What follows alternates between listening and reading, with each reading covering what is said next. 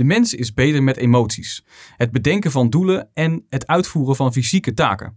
Maar AI is weer beter in berekeningen, het herkennen van patronen en het leggen van verbanden. Hoe zorgen we nou voor dat mens en AI goed kunnen samenwerken? In deze aflevering gaan we het hierover hebben met wetenschapsjournalist en auteur Benny Mols. Leuk dat je luistert naar AI Verkenners, de podcast waarin we je meenemen in de wereld van kunstmatige intelligentie. Mijn naam is Kevin. En mijn naam is Peter. Deze ontdekkingsreis wil je niet missen.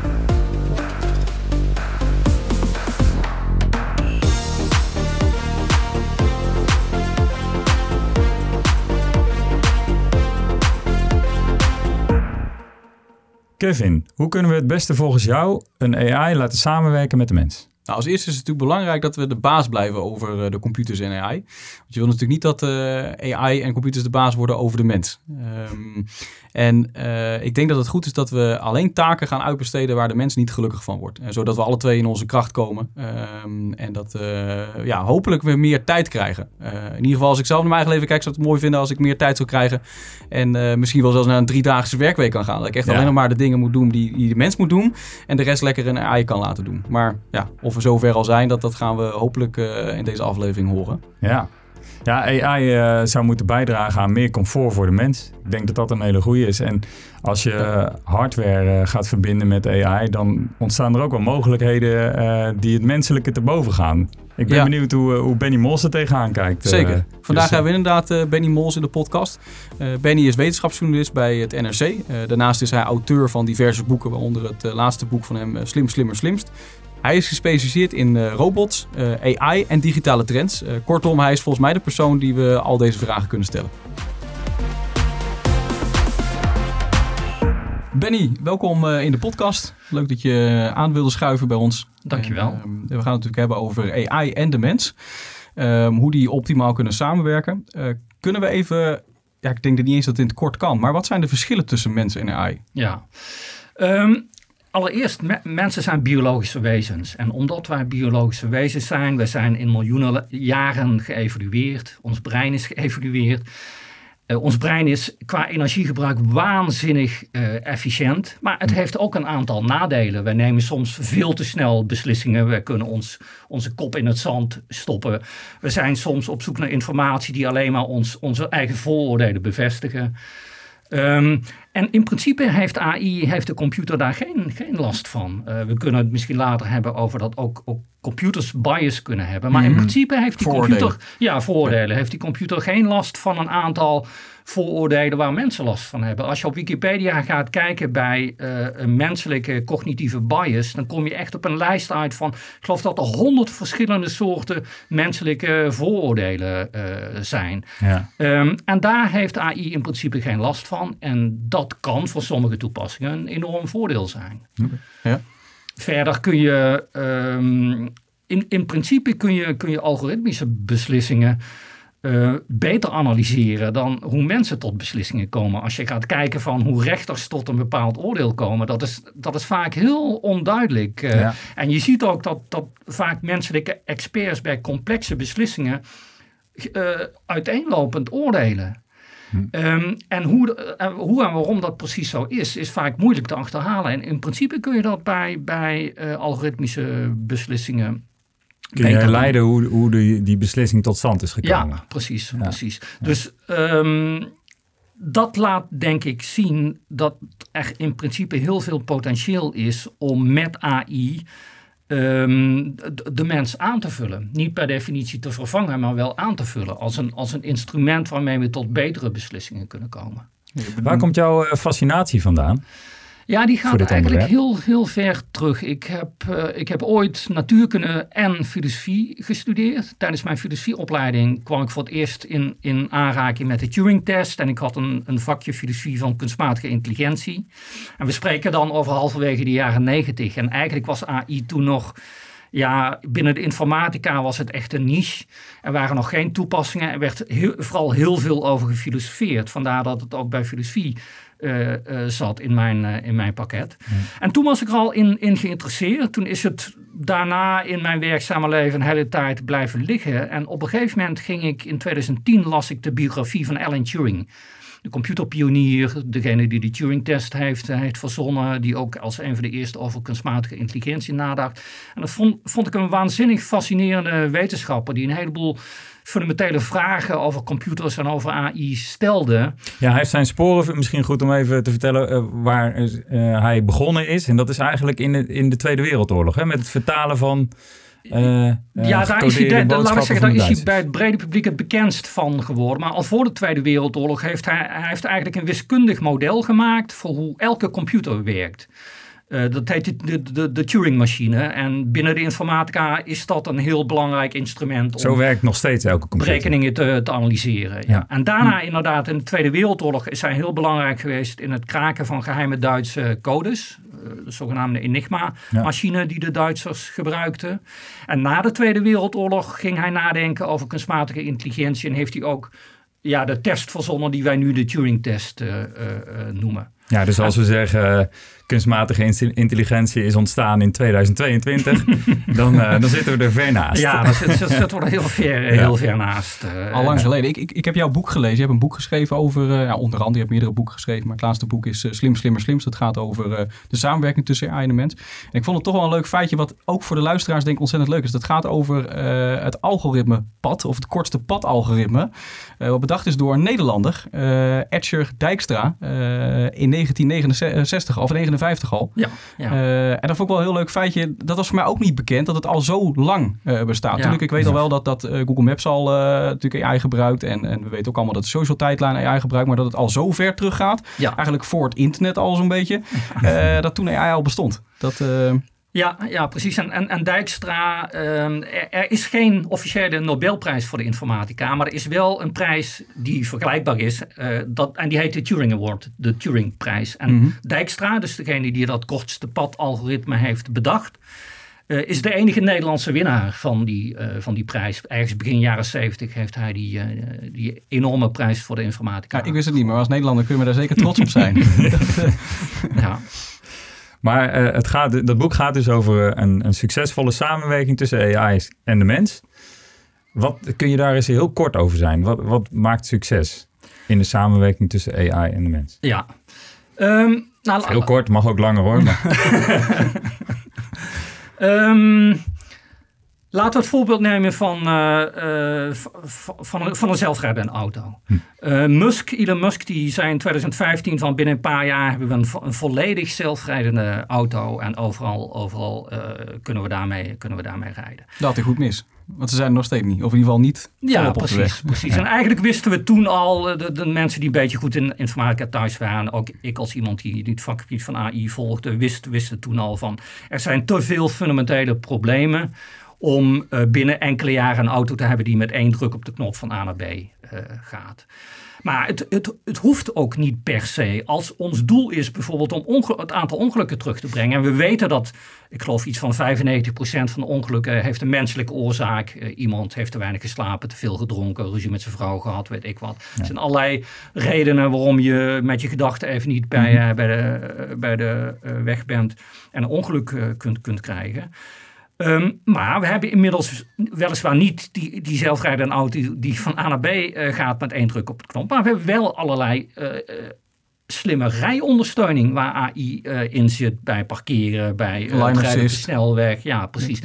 En dat soort slimme rijondersteuning is buitengewoon handig. En, en ik, ik weet niet of daar nu al cijfers van zijn, maar ik kan me voorstellen dat over een aantal jaren ja, die hele toolkit van technologie bij elkaar, dat dat er gewoon al voor zorgt dat het aantal ongelukken uh, flink wordt gereduceerd.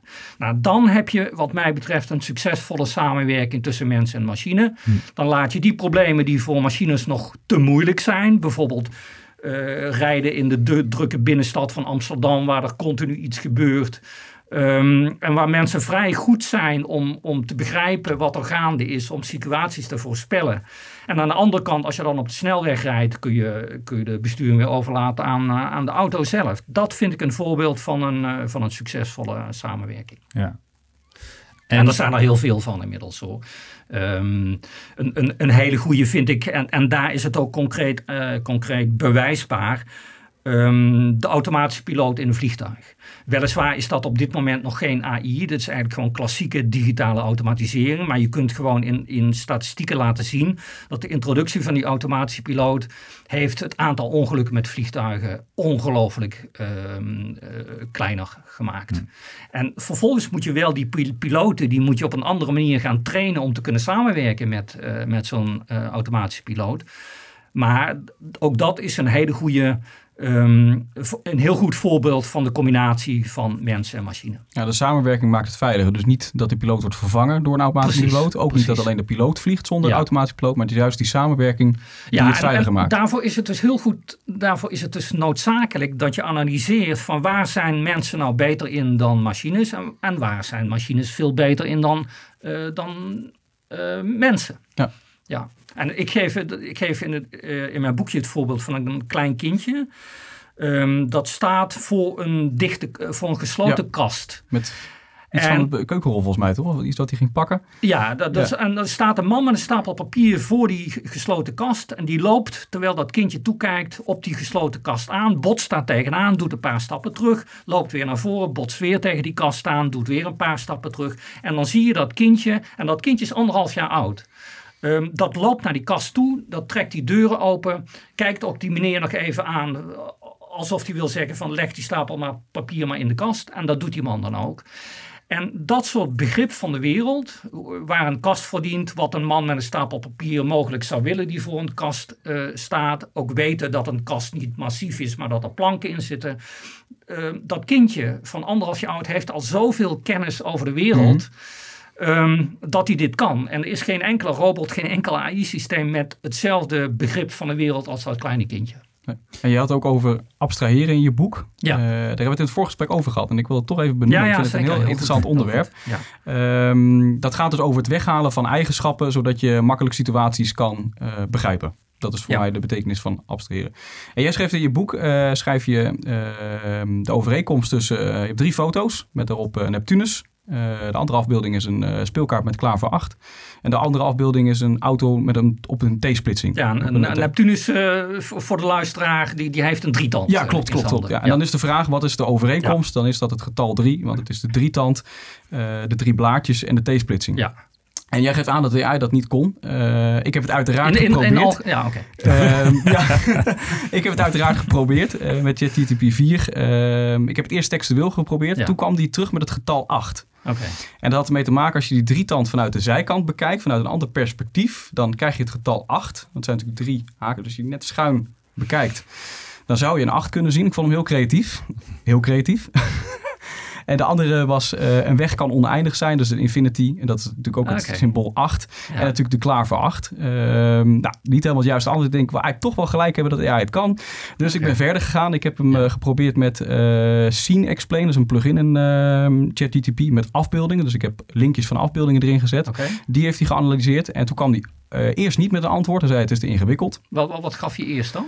Als, eh, ik heb die, ja, eerst had ik textueel ingevoerd. Nee, maar bij, bij die, met die plugin. Dus toen je die plaatje, je zei van eerst kwam je niet met een... eh, Ja, toen kwam hij niet met een antwoord. Ah. Eh, toen heb ik gevraagd van, of toen heb ik een hint gegeven. Ik zeg, de hint is, het is een getal. Kijk nog eens een keer goed. Ah, oké. Toen kwam die, ja, ik heb iets, toen kwam die vervolgens met het getal 8 weer. Met eigenlijk dezelfde beredenatie als die tekst. Ik heb het uiteraard in een andere chat geprobeerd. Maar het kan natuurlijk dat hij het heeft opgeslagen en daardoor ervan heeft geleerd. Ehm, en toen heb ik gezegd, het is niet 8. Het is- je moet toch iets verder kijken. Het is niet zo makkelijk. en toen kwam die wel met het antwoord 3.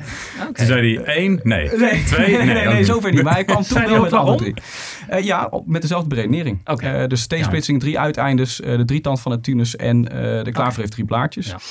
Toen heb ik zelf nog een andere bedacht. En dat heb ik zelf helemaal random bedacht. Het was een foto van een straatbeeld van Amerika. Gele taxis eh, als detail erop. Maar die stonden in de verte erop. Eh, een groepsfoto van, eh, van SpongeBob met al zijn vrienden. SpongeBob is natuurlijk ook geel. En een, banaan, of een aap met een banaan. En toen gaf hij in één keer het antwoord geel. Ja. Dus dat vond ik wel grappig. Hoe kan dat dan? Ja. ja. Oké. Ehm, Heel lang verhaal trouwens, maar... alle- ik vind, vind het een ontzettend leuk experiment. Ja, ik het vond het zelf- ik vond het ook leuk. want Ik heb kun- iets kun moeten echt iets van helpen. leren. Ja, zeker. Ja, Dat, en, dus ik, ik, dat ehm ChatGPT dit zelfs met een aantal aanwijzingen kan, vind ik op zich bijzonder, heel goed. Eh, ik denk dat we dat tien jaar geleden niet, eh, niet verwacht hadden. Ehm, mijn antwoord is dat ja, dit, na- natuurlijk is dit dit is een vorm van abstraheren. Maar het, het, generaliseert niet heel erg goed. Dus je kunt vrij makkelijk kun je andere voorbeelden verzinnen waar die de mist in, in, Ja. eh, in gaat. Nou, het is ook niet in één keer het goede antwoord. Ik heb natuurlijk wel iets moeten Ja, helpen. nou ja, oké, dat vergeef ik hem dan nog wel. Mensen doen dit nog steeds beter. Ik denk dat we daar wel, wel over eens zijn. Maar het, het, het grote probleem met ChatGPT is dat, hij, ehm, dat het niet heel goed generaliseert. Dus hij kan het voor dit voorbeeld kan hij het dan goed doen. Maar je kunt vrij makkelijk kun je andere voorbeelden ver- verzinnen die mensen wel goed zouden doen. Die de machine niet goed Hmm. doet. En dat ligt, dat ligt vooral aan welke data eh, waarmee die getraind is. En ChatGPT is, niet, is conceptueel niet heel erg goed. Om een, om een ander voorbeeld te, te geven. Ik heb bijvoorbeeld een, een, een raadsel aan ChatGPT ge, eh, gegeven. Een, een raadsel dat denk ik eh, de meeste eh, kinderen van een jaar of tien of ouder goed kunnen oplossen. En dat raadsel gaat als volgt. Ik heb vijf t-shirts en die hang ik in de zon te drogen. En dan zeg ik van het duurt vijf uur voordat al die vijf t-shirts droog zijn. En dan is het raadsel, wat ik aan ChatGPT ook heb voorgelegd. Nu hang ik niet vijf t-shirts te drogen, maar ik hang 30 t-shirts in de zon te drogen. Hoe lang, eh, na hoeveel tijd zijn die t-shirts droog? Nou, ChatGPT geeft als antwoord, de- na 30 uur zijn jouw 30 t-shirts droog. Ah, en het goede ja. antwoord is natuurlijk, want het maakt helemaal niet uit het aantal. eh, na, na vijf uur zijn ook die 30 t-shirts droog. En dat laat zien dat ChatGPT is conceptueel niet heel erg goed. Nee, niet nee. goed in Maar hij begrijpt ook niet wat hij zegt. Dat is natuurlijk... Nee, het is- het is- precies. ja. En, en, en da- dat, da- daarom is het denk ik heel goed dat we proberen te analyseren waar ChatGPT wel en niet, eh, niet goed in is. In feite is het een, een woordvoorspeller die op basis van ontzettend veel textuele data kan voorspellen binnen een bepaalde context. Ja, welk woord er waars- waarschijnlijk zou moeten volgen. En dan kun je, kun je, er zit nog een of andere knop in ChatGPT in die wij niet kunnen bedienen, maar OpenAI wel. En met die knop kan ChatGPT meer of minder risico nemen. Ja. Dus bij, bij minder risico worden de teksten allemaal wat vlakker, maar waarschijnlijk zitten er minder fouten in. En als je ChatGPT meer risico laat nemen, dan worden die teksten wat spannender, maar zitten er waarschijnlijk ook meer, meer fouten in. Kortom, ja, ChatGPT is een woordvoorspeller, maar je kunt ChatGPT niet vertrouwen als het gaat om het redeneren, om, om het omgaan met concepten. In Geloof je ook niet dat dat er alsnog wel in gaat komen? Ik heb ook al mensen horen zeggen, ChatGPT is nog een baby. Dus eh, we zijn pas in de beginfase van waar we naartoe gaan. Ja, nou, nou ja, ik, ik, ik, denk, eh, ik denk zeker dat we in de beginfase zijn. Maar ik denk niet dat ChatGPT op enige, laat ik zeggen, het, het huidige model. ehm, er moet heel veel aan nieuwe ideeën worden toegevoegd. Wil het voorbij de fase van een goede woordvoorspeller eh, komen? Er zit er nog. Als je denkt de, de stap maken naar, naar menselijke intelligentie, dan ontbreekt er wel nog heel erg veel aan. En het, het probleem is denk ik dat we vanuit wetenschappelijk oogpunt nog niet heel goed weten hoe we dat moeten oplossen. En dan kun je, er ook, dan kun je ook geen software eh, bouwen. Dus ja, het, het- is, ik, ik denk dat als je, stel dat je inderdaad algemene kunstmatige intelligentie zou willen maken, dan denk ik best dat ChatGPT daar een, een belangrijk stapje in is. Maar we hebben veel meer instrumenten nodig om daar uiteindelijk te komen. Om te zorgen dat, ehm, dat machines goed kunnen abstraheren, goed kunnen generaliseren.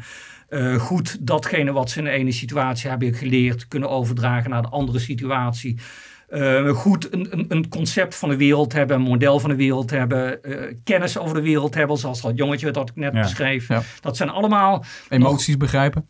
ook, ja, ja. Dat zijn allemaal nog, nog onopgeloste problemen ehm, in ja, de, de wetenschap van de kunstmatige intelligentie. AI is dus een aanvulling op de mens. Zo moeten we dat dan ook zien. Ja, wat, wat, wat mij betreft wel. Ik zie Ja. AI niet, ik bedoel, ik, ik, ik zie AI niet als iets wat eh, eh, we gaan overal de mens vervangen. Nee. Nee, zo Dus- zie ik het niet. Dan moeten we als mens nu goed gaan kijken van welke problemen hebben we. En eh, blijkbaar kunnen we die problemen niet zo makkelijk oplossen. Dus hoe kunnen we AI inzetten om die problemen Ja, op te lossen? ja. Dus hebben we het over wereldproblemen. laten we eens een wereldprobleem pakken. Ja, zoals... eh, Als wij nou even de oplossing voor het klimaatprobleem eh, even hier eh, gaan zou, leveren. zou AI daarvoor kunnen helpen? Voor alle Ja. grote wereldproblemen waar we nu mee zitten. Dus ik noem even kort een aantal op. Klimaat, armoede, vluchtelingen, Ja, ja. politieke spanningen, economische crisis. noem het allemaal op. Ja, Ehm, Nou ja, de, de, de Verenigde Naties die hebben een lijst met 17 duurzame ontwikkelingsdoelen. En, en de problemen die jij net noemt, die zitten daar ook allemaal Ja. in. Ehm, als je, die, als je die problemen wil aanpakken, dan moet je denk ik in de eerste plaats realiseren dat dat complexe problemen zijn die uh, deels een economische oorzaak hebben, deels een sociale oorzaak. Weet je, er zijn een heleboel oorzaken van dit soort problemen. En technologie is, is nooit in staat om al dat soort dingen op te lossen. Maar technologie kan wel kleine bijdragen leveren. En dat, dat zou mijn visie zijn.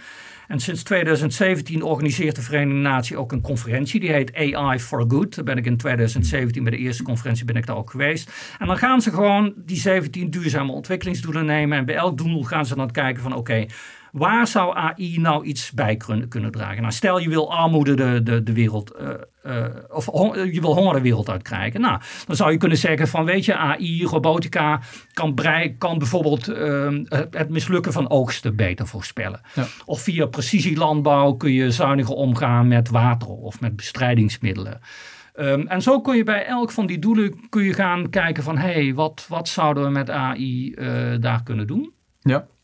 Bijvoorbeeld uh, in dit seizoen is het niet goed om nu graan te zaaien, bij wijze van spreken op dit veld, maar ga dan uh, daar tomaten verbouwen of bij wijze van spreken. Ja. Of ik, ik, een ander voorbeeld dat ik ken, dat gaat dan over armoede. Daar hebben ze data geanalyseerd van uh, sloppenwijken in, in India en Bangladesh, geloof ik. en die data die gaan dan over mensen, wat ze verdienen, waar ze wonen. En op basis van die data kunnen ze dan beter voorspellen hoe je mensen uit die armoede trekt. En welke, eh, eh, het blijkt bijvoorbeeld dat het is niet alleen een kwestie van die mensen geld geven. Je kunt die mensen wel geld geven, maar ze zitten nog steeds in hetzelfde sociale netwerk. En als er iets misgaat in hun leven, dan ja, dan vallen ze toch weer terug in, vaak in hun oude gewoonte.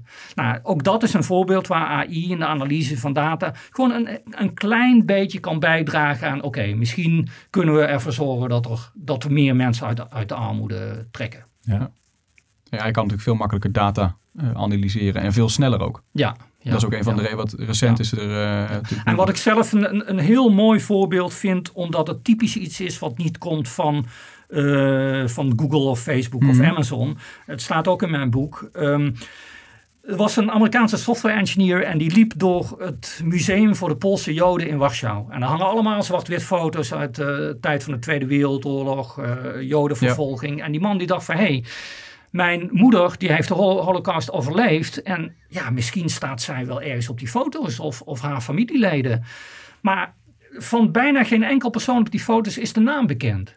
Terwijl er zoveel foto's in allerlei archieven uh, liggen. Weet je wat? Ik ga een softwareprogramma maken waarin ik het programma train om als ik een, een fotootje van mijn moeder geef, van voor of, of tijdens de, eh, of net na de Tweede Wereldoorlog.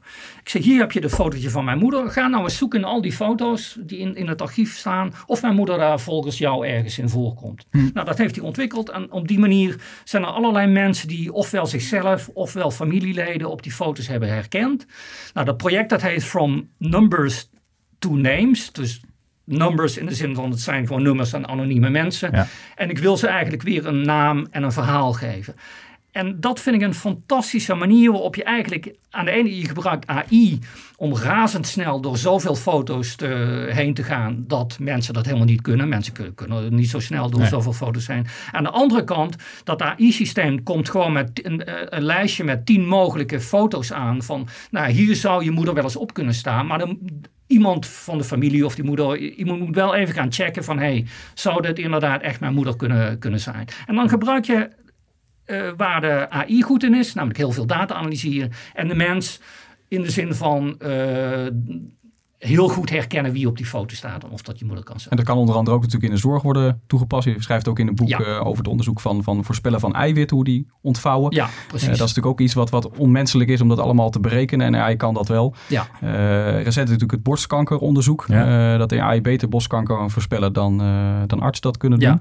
Wat voor branches kan AI nog meer ja, uh, ja, dingen ik, betekenen? Ik denk, ik denk eigenlijk dat het, uh, de, de, Wetenschappelijke Raad voor het Regeringsbeleid hier in Nederland, die hebben twee jaar geleden een, een, een groot rapport over AI gepubliceerd als soort aanbeveling voor, uh, voor de regering. En die noemen AI een systeemtechnologie. En dat, daarmee bedoelen ze dat het eigenlijk in elke tak van de maatschappij, in alle branches, toepassingsmogelijkheden heeft. Dus er is eigenlijk bijna niks waar AI geen rol kan. Verkeer en vervoer, de hele mobiliteit, de overheid zelf. Ja. Um, ja, financiële wereld, de gezondheidswereld, het onderwijs.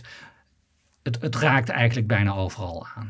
Vervolgens is wel de vraag, ik, bedoel, ik vind wel dat je heel goed uh, moet gaan kijken waar, waar het ook echt een, een, een toegevoegde waarde heeft. Ja, het, het, je moet een balans vinden tussen... Ja, en, en ja. Het, het, kan ook zijn dat het soms gewoon te duur is, weet je. Dat het gewoon niet de moeite waard is. Of dat we zeggen, ja, dit vinden we typisch iets wat we aan mensen willen, willen overlaten. Ja. Mijn is, moeder... is AI wel klaar voor het zijn van systeemtechnologie? Qua um, veiligheid, betrouwbaarheid. Oh, in, in, in, in die zin. Nou, oké, okay. laat ik zeggen dat de, ik, ik zie AI-ontwikkeling een beetje als je begint met wetenschappelijke problemen. Je begint in een lab en dan ja. ga je in een lab aantonen dat iets werkt. En vervolgens ga je een prototype maken en, en dan ga je de wereld een beetje groter maken. Dat het prototype ook in een wat grotere wereld werkt. En dan ga je kijken of het commerciële toepassingen heeft. En dan doe je een commercieel pilotproject en uiteindelijk zeg je oké, het is klaar om los te laten in de maatschappij. Nou, ik denk dat voor een, op, op een aantal terreinen zitten we zitten we een beetje in de fase van. Um, Oké, in, in dat lab werkt het goed. Nu moeten we nog laten zien dat het ook in, in, in een demonstratieomgeving van een iets, iets grotere wereld gaat werken. En bij sommige toepassingen zitten we al echt aan tegen van ja, eigenlijk is het gewoon klaar om te integreren. En ik denk wat jij net noemde, Kevin, over die borstkankerscreening, mm dat zit volgens mij. Eigenlijk is het gewoon klaar om toegepast te worden in, ja. door, door ziekenhuizen. En het blijkt dat Um, dat dat nog niet gebeurt. Onder andere, dat heeft geloof ik onder andere te maken met uh, uh, verzekeraars, wat die wel en niet vergoeden. Ja. Maar qua, eigenlijk is nu, nu aangetoond van het, het is minstens zo goed dan mensen dat kunnen. Als wij gewoon AI inzet, inzetten als tweede stem naast een menselijke radioloog, dan zouden we gewoon heel veel tijd en waarschijnlijk ook geld kunnen besparen. Ja, laten we dat de twee radiologen naar kijken. Kijk, Precies. één AI en één echte Precies. Uh, menselijke Precies. radioloog. Ja.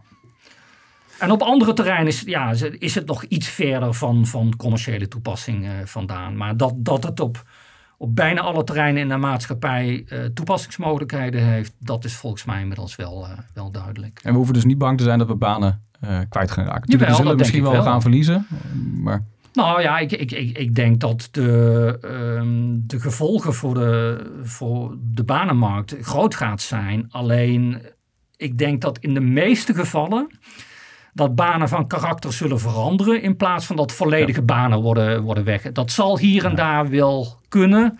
Maar in veel gevallen zal het toch gaan omdat een baan een beetje van karakter verandert. Op, omdat bepaalde taakjes binnen jouw baan door AI gedaan kunnen ja, Eigenlijk zie je dat heel mooi in de, in de marketing. Hè? In de online marketing waar contentcreatie echt wel iets uh, was mm -hmm. waar, waar marketeers uh, uren per dag mee bezig waren. Ja. En nu uh, in een uur misschien hetzelfde resultaat ja, als in klopt. een dagwerk uh, ja. hebben. Nou ja, bijvoorbeeld... Die, daar, daarin verandert inderdaad hun functie een beetje. Ja. Dat ze het meer toepassen in hun werk. Ja.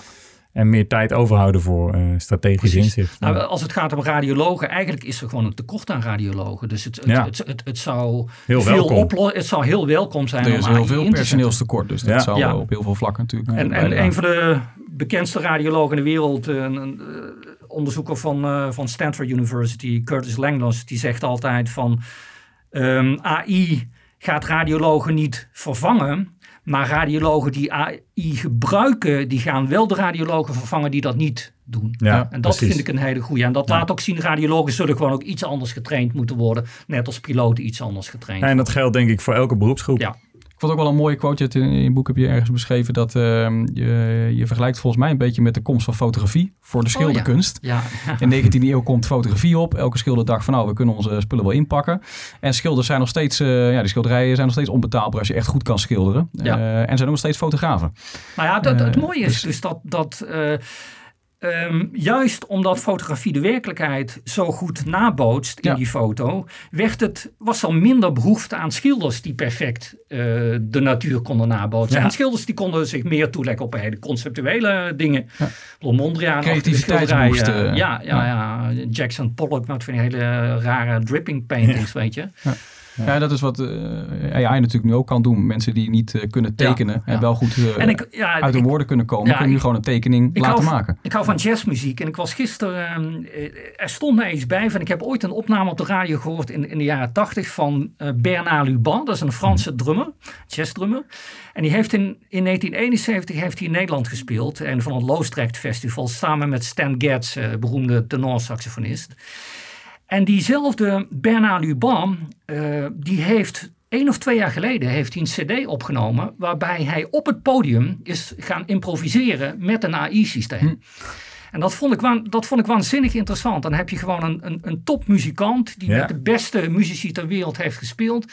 En die heeft op zijn 75 heeft je nog steeds zin om een nieuwe muzikale weg in te, in te slaan. En die, die denkt van hé, hey, ik ga gewoon eens op een podium met een AI-systeem improviseren. En kijken wat dat oplevert. En hij vertelde dus heb ik uit quotes uh, vernomen dat dat AI-systeem hem gewoon uitdaagde om andere dingen te proberen ja, dan hij al 40 jaar uh, deed. En dat vind ik heel erg spannend om te zien.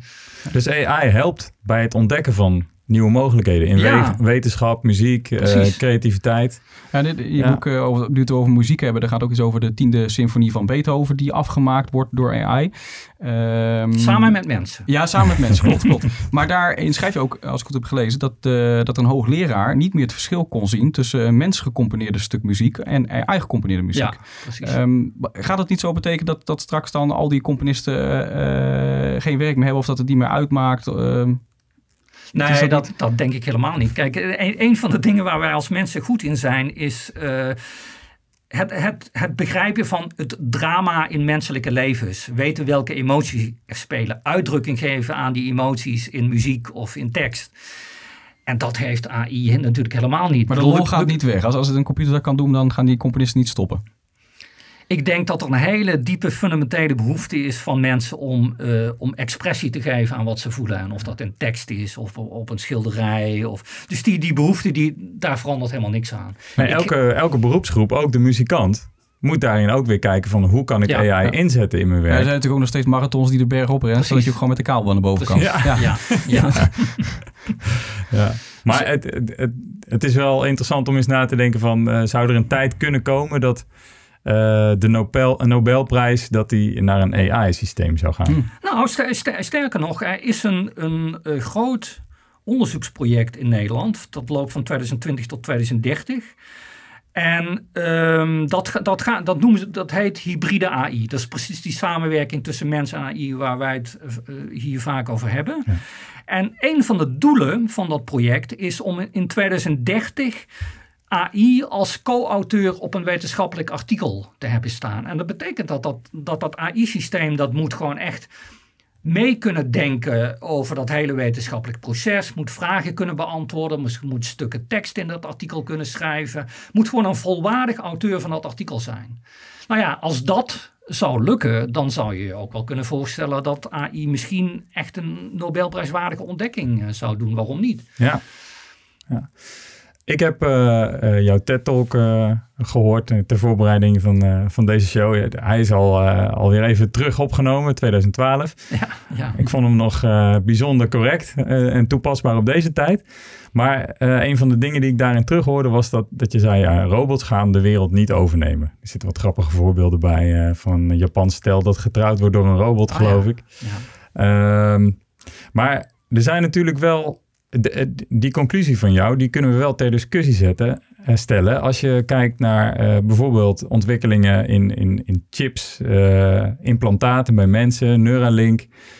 Hoe, zie, ben je nog steeds zo stellig daarin? Die robots die gaan de wereld niet overnemen.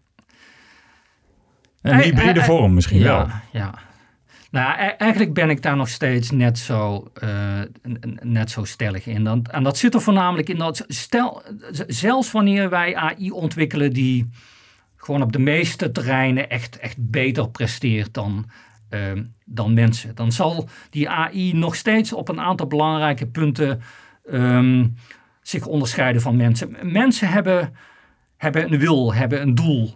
Uh, elke cel in ons lichaam wil iets. Elk orgaan wil iets. Wij als mensen zijn biologische wezens. Wij hebben van begin af aan hebben we eten nodig. We hebben sociale contacten nodig. Dat heeft AI allemaal niet. AI, bedoel, slim zijn, dat schrijf ik in mijn boekje ook. Slim zijn is echt iets anders dan iets willen. Zelfs wanneer je een ontzettend slim AI-systeem is, waarom zou dat AI-systeem de wereld willen overnemen? Nou, misschien omdat hij een, een, een dodelijk doel heeft gekregen. Dus iemand heeft een opdracht gegeven aan een AI eh, waarmee wel schade, laat ik niet dodelijk, Ja, maar, maar ja, dat- is schade dat toegebracht. Het is uiteindelijk natuurlijk alsnog de mens die Precies, Ja. dat, dat, dat is maar mijn punt. wordt geholpen door AI. Ja, Kijk, dat- dat- dat- mijn punt is dat wij als mensen, wij zijn verantwoordelijk voor die AI-systemen die wij bouwen. Dus wij moeten zorgen dat we daar de juiste normen en waarden in stoppen. Wij moeten zorgen, maar dat doen we ook met bruggen. Dat doen we ook als we raketten ontwikkelen. Weet je, dat is niet anders dan, dan met AI. Het enige, kijk, in, in, in theorie zou je kunnen zeggen, AI zou zelf evoluerend kunnen worden. Maar er zijn wel heel erg veel stappen voor nodig. Wil dat allemaal lukken? En dan nog vind ik dat wij als mensen eh, daar verantwoordelijk voor zijn. Maar net zoals we voor biologische, chemische wapens, nucleaire wapens, hebben we verdragen opgesteld. Ehm, dus er zijn allerlei manieren waarop wij ook kunnen omgaan met AI die super slim is. Ja. Wij Maar- blijven daar verantwoordelijk voor. En eh, een opdracht als, eh, er is het, de, het voorbeeld van de paperclip, die, ik Ja. weet niet of je die kent, maar Ja, ja, ja. de hele wereld, alle hulpstoffen moeten eh, een paperclip worden. En die AI houdt niet op Ja. totdat iedereen een paperclip is, inclusief alle mensen. Ja, ja. nou, goed, in, in, in theorie kan dat natuurlijk, maar er zijn zo... Filosoof bedacht. Dat is natuurlijk niet Ja. echt uitgevoerd. ja, precies. een, eh, ja. Nee, nee. Nick Bostrom. eh. Ja. in, in theorie kan dat natuurlijk, maar ik, ik vind het altijd een beetje raar om je ontzettend veel zorgen te maken Over over, iets een, wat over een probleem wat, is. wat eh, een hele kleine kans van slagen heeft, terwijl er zoveel concrete risico's zijn van AI-systemen die nu al spelen. Discriminatie, te veel vertrouwen in AI-systemen, eh, menselijke vaardigheden die hier en daar verloren gaan. ehm, wet en regelgeving rondom huidige AI. Wat vinden we hoog risico? Wat vinden we laag risico? Wat laten we toe? Hoe? Dat zijn allemaal hele concrete dingen waar we nu al mee te maken hebben. Waarvan ik denk van laten we daar onze energie in stoppen. Ja. Ze moeten AI ook gewoon ontarmen. En niet tegenhouden. Nou ja, ik, ik zie geen enkele reden om AI op zichzelf tegen te willen houden. Ik, ik denk, ik vind echt dat wij ontzettend blij moeten zijn dat we, dat we als mensen zo slim, zo vernuftig zijn geworden. Dat wij machines kunnen ontwikkelen die, we, die onze eigen tekortkomingen aanvullen. Eh, dus laten we daar blij mee zijn. Maar natuurlijk zitten daar risico's aan. Innoveren zonder risico's be- bestaat gewoon niet.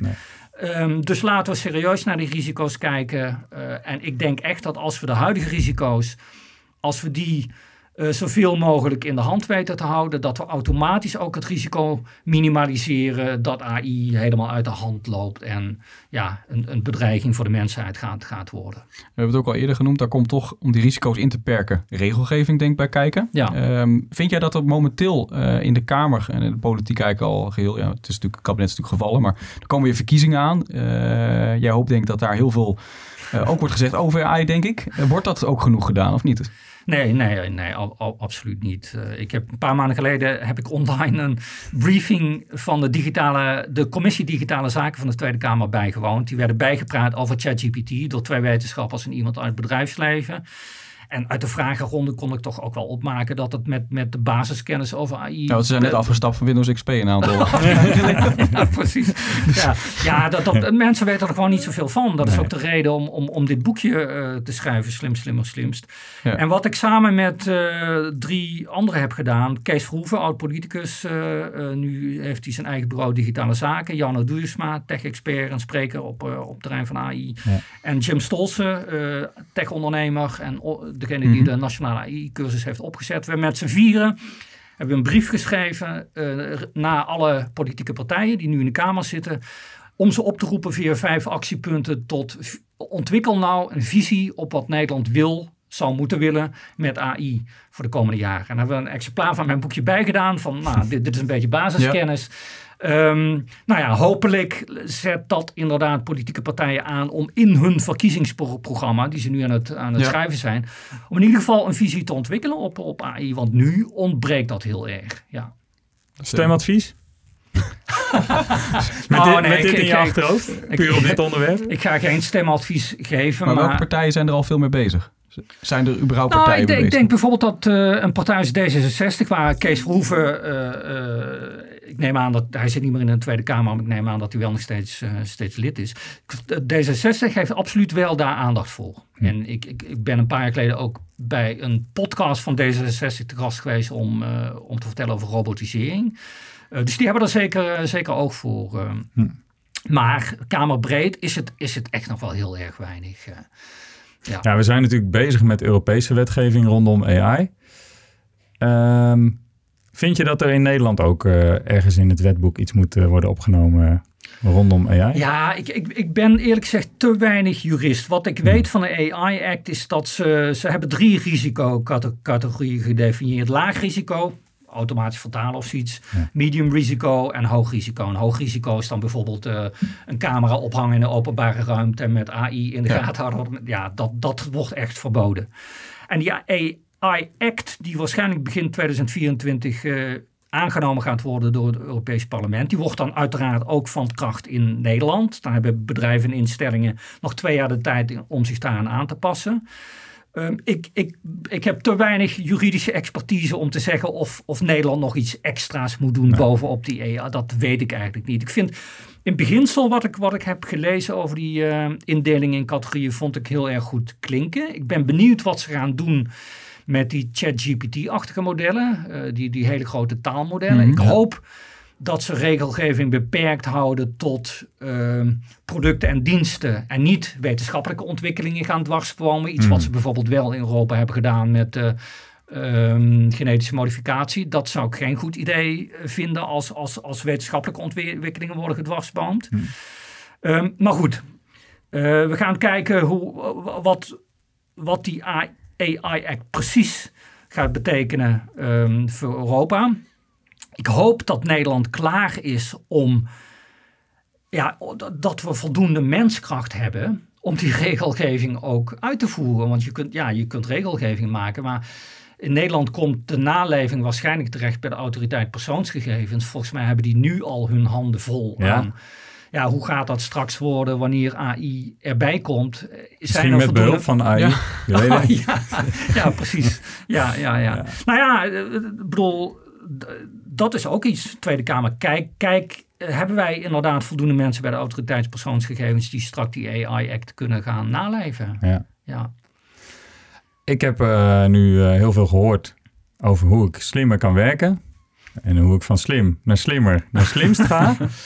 Ehm, wat zou eh, jouw eh, advies zijn aan de mensen die luisteren? ehm, die denken, ja, ik heb nu in deze show al een aantal keer ChatGPT gehoord en wat andere dingen. Maar ik pas het echt nog niet toe in mijn werk en ik zie ook die vorm niet. Een toepassing binnen mijn werk bestaat niet eigenlijk. Moet je dan blijven zoeken? Of wat zou jouw advies zijn om slimmer te gaan werken? Ja, nou, ik, ik denk dat het heel, dat het heel belangrijk is voor, voor mensen om zich te realiseren wat AI wel en niet goed, eh, goed kan. Daar begint het volgens mij echt, echt mee. Ehm, en ChatGPT stelt je bijvoorbeeld nu, nu in staat op, op een hele laagdrempelige man- manier te experimenteren. Wat, wat tot een aantal jaar geleden kon dat nog niet. Hè? Ik bedoel, de- de- jullie als bedrijf waren er vast mee bezig. Maar ja, de gemiddelde burger, de gemiddelde consument ehm, had, had weinig tot zijn beschikking om een beetje te experimenteren. En dat kan nu met ChatGPT wel. Ehm, dus dat- dat is een Nou, laagdrempelige... waren in- je je schreef ook in het boek eh, 2006 eh, kwam Google Translate. ja. Toen werd er heel erg lachen over gedaan. Ja, ja precies. Ehm, nou, gebruikt iedereen dat volgens mij ook gewoon. En zeker de, de vertaling van ChatGPT is eigenlijk, ja... Ja, op top. vakantie laat je tegenwoordig gewoon voorlezen Ja, ja. eh, eh, Nou wat de vertaling is. eh, eh, In mijn eigen werk als wetenschapsjournalist, ik bespaar echt ongelooflijk veel tijd met machinaal vertalen. En het is zo goed geworden dat Ja. ik echt alleen nog maar, eh, ja, in, in twee pagina's tekst moet ik er misschien eh, tien foutjes uithalen of zo. Maar het bespaart me zoveel weer. Automatische transcriptie van interviews.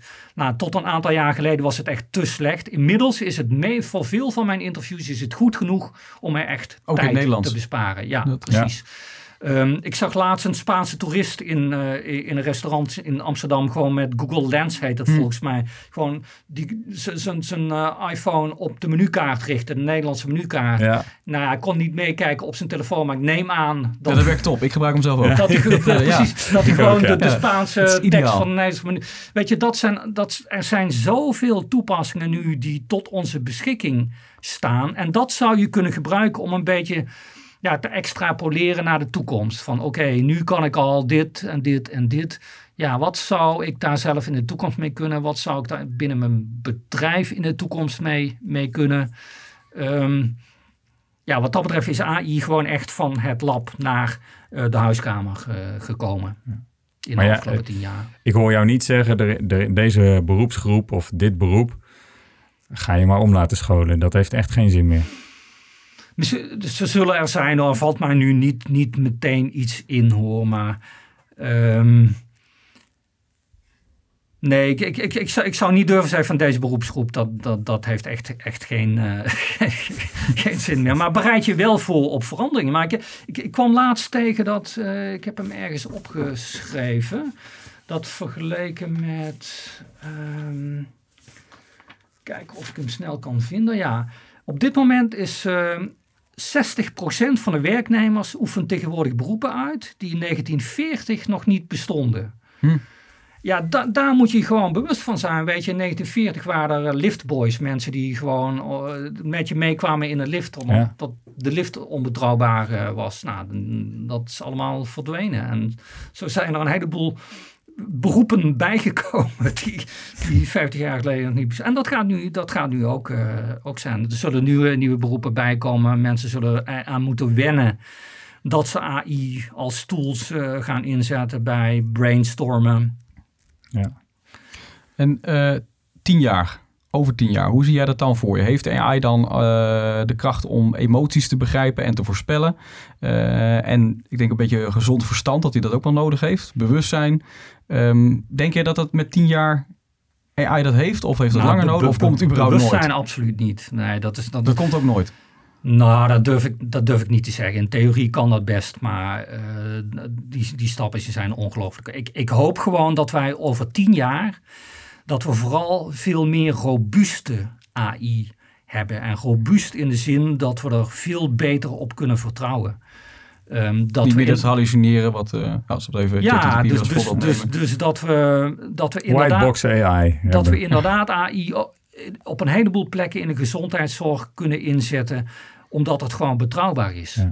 Dat, dat, eh, eh, eh, dat we AI kunnen gebruiken om betere diagnoses te stellen, om sneller meer diagnoses te stellen. Dat chirurgen misschien samen met ehm, eh, AI betere operaties kunnen verrichten. In mijn boekje geef ik daar het voorbeeld van een experiment dat op dit moment loopt. Microchirurgen, die moeten allemaal kleine bloedvaatjes Mhm. en zenuwbanen en zo opereren. Nou, er loopt een experiment waarbij dankzij AI die eh, chirurg tegen die camera kan praten en kan zeggen van hé, hey, laat mij dat bloedvat eens van de achterkant zien. En dat dat cameraatje ook begrijpt welke stappen die, die chirurg eh, Mhm. gaat doorlopen. Nou, ik hoop dat we tegen die tijd gewoon een robuuste, robuuste toepassing daarvan hebben. En op, op te veel terreinen ontbreekt het nog een beetje aan die robuustheid. Dat we het echt kunnen betrouwen. Het is nog experimenteel in veel gevallen. In, in sommige gevallen wel. Ja. Sommige gevallen die zitten echt al tegen die praktische toepassing aan. Zoals als, als bij eh borstkankerscreening. Ja. Mhm. Maar qua robuustheid moet er, moet er eh, nog veel gebeuren. En ik hoop dat dat over tien jaar eh, dat we dat voor elkaar hebben. En qua robots?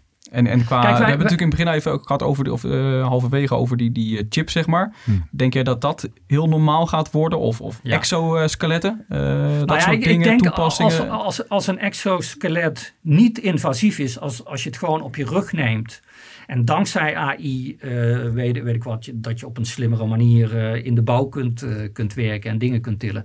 Dat, dat, zie, ik, dat zie ik wel binnen, binnen tien jaar komen. Maar als het gaat om implanteren, dan zitten er denk ik nog zoveel risico's aan het aanbrengen van een chip in je brein. Dat dat volgens mij ja, voorlopig alleen maar is voor mensen die er die een of andere neurologische aandoening hebben of een of andere ziekte waarbij ze gewoon enorm veel winst hebben van die chip. Ja. Maar voor gezonde mensen om gewoon maar even een chip te laten implanteren, ik denk Ja, dat ik er zou het zelf ook niet behoorlijk zo snel veel doen. Risico's aan zitten.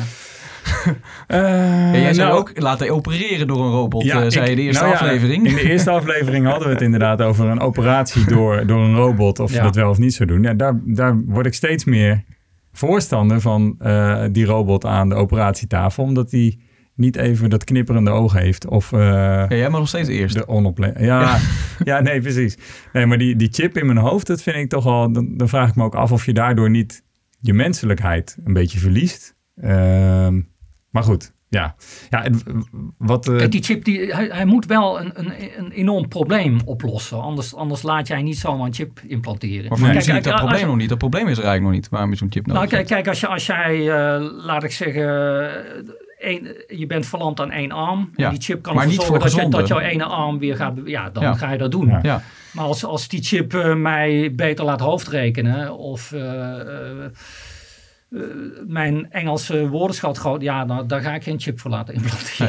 Ik bedoel, dan, dan eh, Nee, ik kan me voorstellen dat je zo'n chip op een gegeven moment eh, laat implementeren. Dat, dat er iemand is die dat heeft. En die ehm, heel snel, veel sneller dan een, eh, een mens zonder chip, een voorspelling kan doen. En daardoor een voordeel voor zichzelf kan realiseren in de echte wereld. Dus dat je, dat je mensen hebt die wel een, eh, zo- zo- zoiets uitdagends willen proberen. Hè? Want je kunt je Ja. op de site van Neuralink gewoon aanmelden al, als doe is mij een maar zo'n chip. voor de luisteraar. Die, eh, Ja, dus ik denk dat er wel mensen zijn die dat experimenteren zo in zich hebben. Dat ze denken, doe mij als eerste ja, een dat- chip. dat- die, die zijn al. en die ja. gaan voordelen Ja, hebben, ja. denk ik ook, ervan. De- de- 15 jaar geleden was er al een of andere eh, Engelse hoogleraar die liet een chip in, eh, in volgens mij in zijn hand implanteren. En dan kon hij met die chip kon hij de deuren van het. Ja, weet je, dat, dat is Ja. een leuk experiment, maar de meeste mensen gaan dat natuurlijk niet doen. Nee, Die maken dus een nee. afweging van wat is de winst om die chip geïmplanteerd te hebben en wat zijn de risico's die er allemaal aan. eh, Ja. Ja, of een, topsporter of zo. Hè? Ja. Eh, Doping is natuurlijk heel verleidelijk in een aantal sporten. Misschien kan zo'n chip ervoor zorgen dat je pijn langer weg kunt eh, drukken. Maar ik, ik, of, ik eh, denk dat we de afgelopen jaren ook wel hebben geleerd dat het, he- dat het eh, vanuit menselijk oogpunt helemaal niet handig is om alle, alle frictie maar uit ons leven te bannen. Nee. Bedoel, wij zijn biologische wezens, die worden geboren, die gaan dood, die, die krijgen ziekte, ook al hebben we een chip geïmplanteerd. En met al, alle tegenslagen die je onderweg in je leven tegenkomt, zul je toch moeten leren omgaan. Dus het is ook Ja, die goed om- tegenslagen maken ons juist ook krachtig. Dus, ja, precies. Ja, Ja, maar en toch- menselijk. En, en eh, weet je, mijn Ja. moeder die is nu dementerende. En ik heb nagedacht, kan ik, kan ik een of ander AI-systeem eh, gebruiken, een robotje, om haar elke ochtend aan, aan te helpen herinneren dat ze een pilletje moet nemen. Want ze moet elke ochtend moet ze een pilletje nemen. ja. Nou, ik, ik heb het daar ook met haar over gehad van, maar weet je, er is op zich een robotische oplossing en die kan elke ochtend om half negen kan die gaan piepen en dan kan ik gaan zeggen van, ma, je moet een pilletje nemen.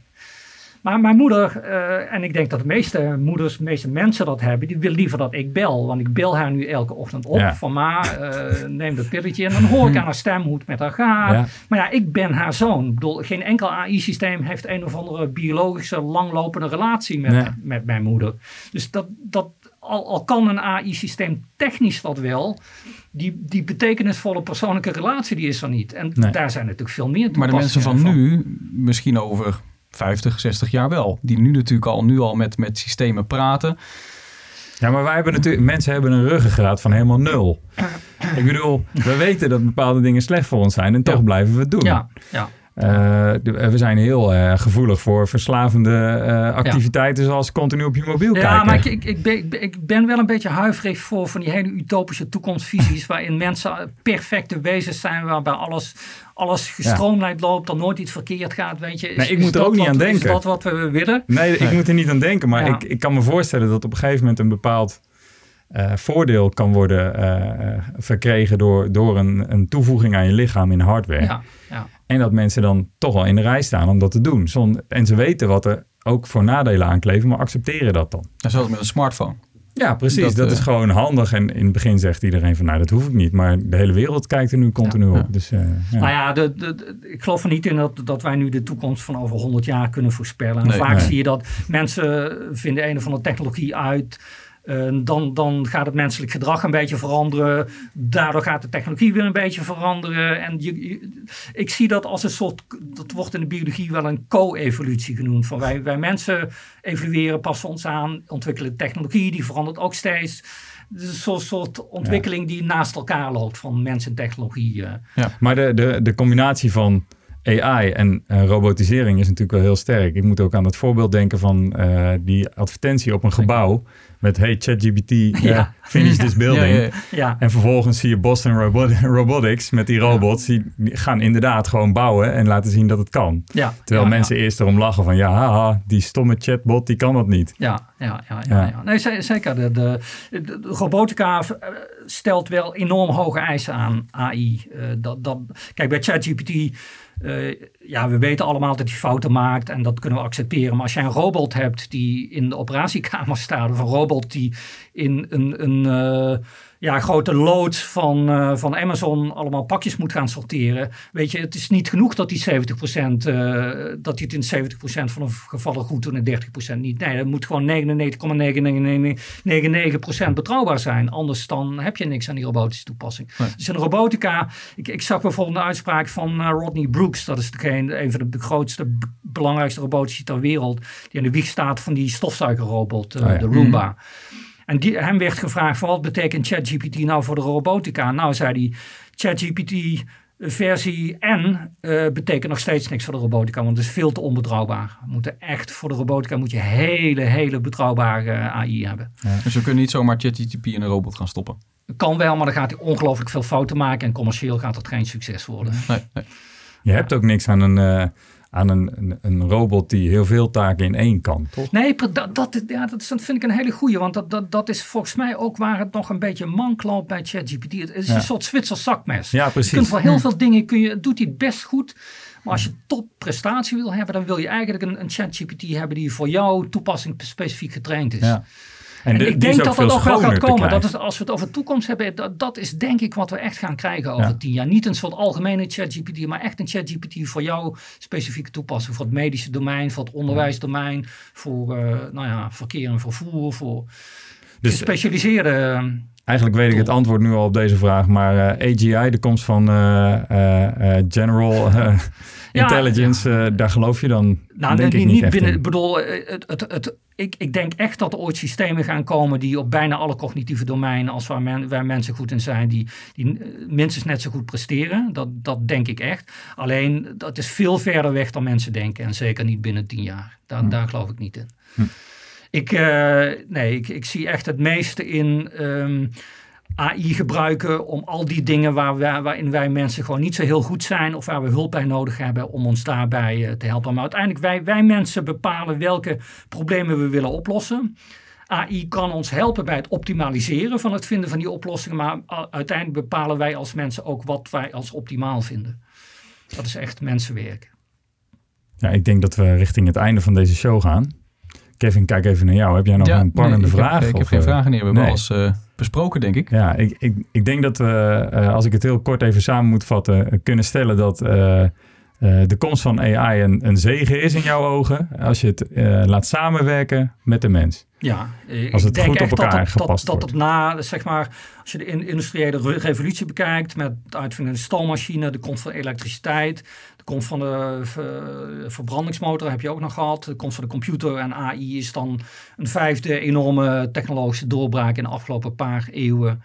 Ehm, ja, er zitten risico's aan, maar die risico's zijn beheersbaar.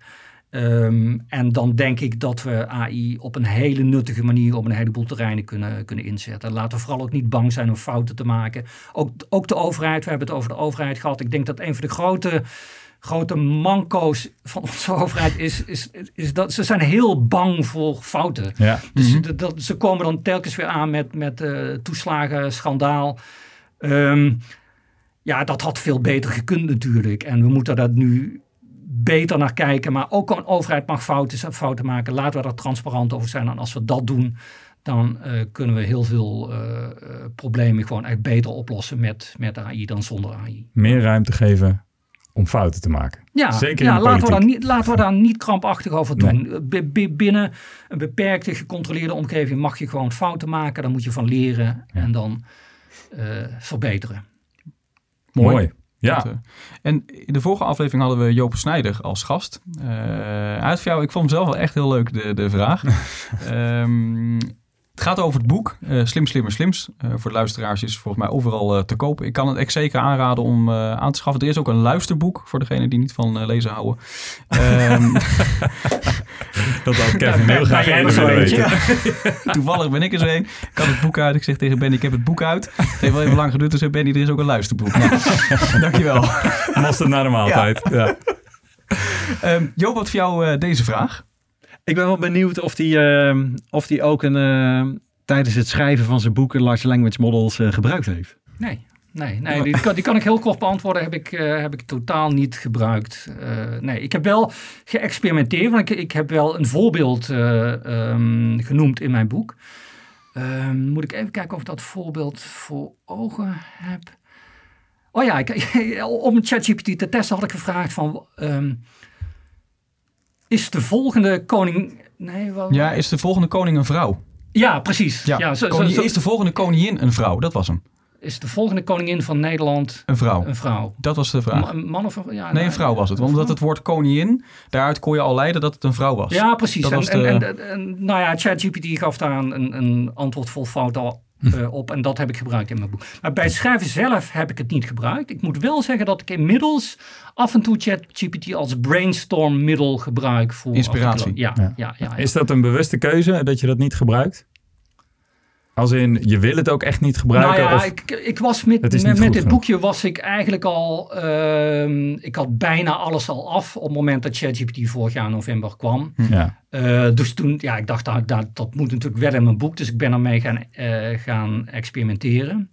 Maar het, het, het gros van het schrijfwerk was toen al. Uh, was toen al. Maar ik heb bijvoorbeeld, ik moest laatste keer uh, een, een artikel schrijven dat was opgehangen aan uh, van die lithografiemachines van ASML die chips maken. Hmm.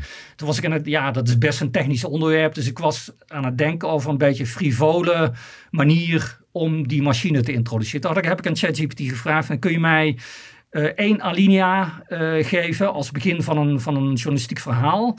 Waarin je in de stijl van de Amerikaanse schrijver James Salter, een van mijn favoriete schrijvers, ja, een soort prozaïsche opening over die lithografiemachine schrijft. En daar kwam hij, kwam hij best met een goede alinea aan. Hoor.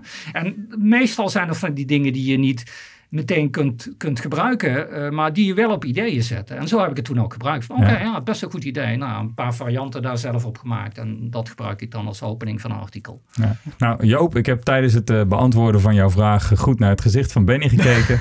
en uh, het, het, lijkt een heel betrouwbaar antwoord. Hij heeft het niet gebruikt. Benny, ontzettend bedankt voor je komst uh, en uh, voor al je antwoorden. Inspirerende ja, antwoorden. Daar hebben we geen ChatGPT voor nodig voor die inspiratie. Van het boekje is trouwens net de tweede druk uh, verschenen. De eerste 2000 exemplaren van de eerste druk die zijn, zijn verkocht. Dus de tweede druk is net uit. Ja, het is wel goed voor de luisteraar. Ik kan hem echt zeker aanraden als je meer over AI wil weten om hem echt te bestellen en, en te lezen of te luisteren. Slim, slimmer, slimst. Zo heet het. Ja. Dankjewel Ben. Dankjewel. Dank voor het luisteren naar de podcast AI Verkenners. Deze podcast wordt mede mogelijk gemaakt door videoproductiebedrijf Van Ei naar Kip. En Better, digitale innovatie voor de wereld van morgen. Wil je geen aflevering missen? Volg deze podcast dan op je favoriete podcastkanaal. Meer weten? Ga naar aiverkenners.nl.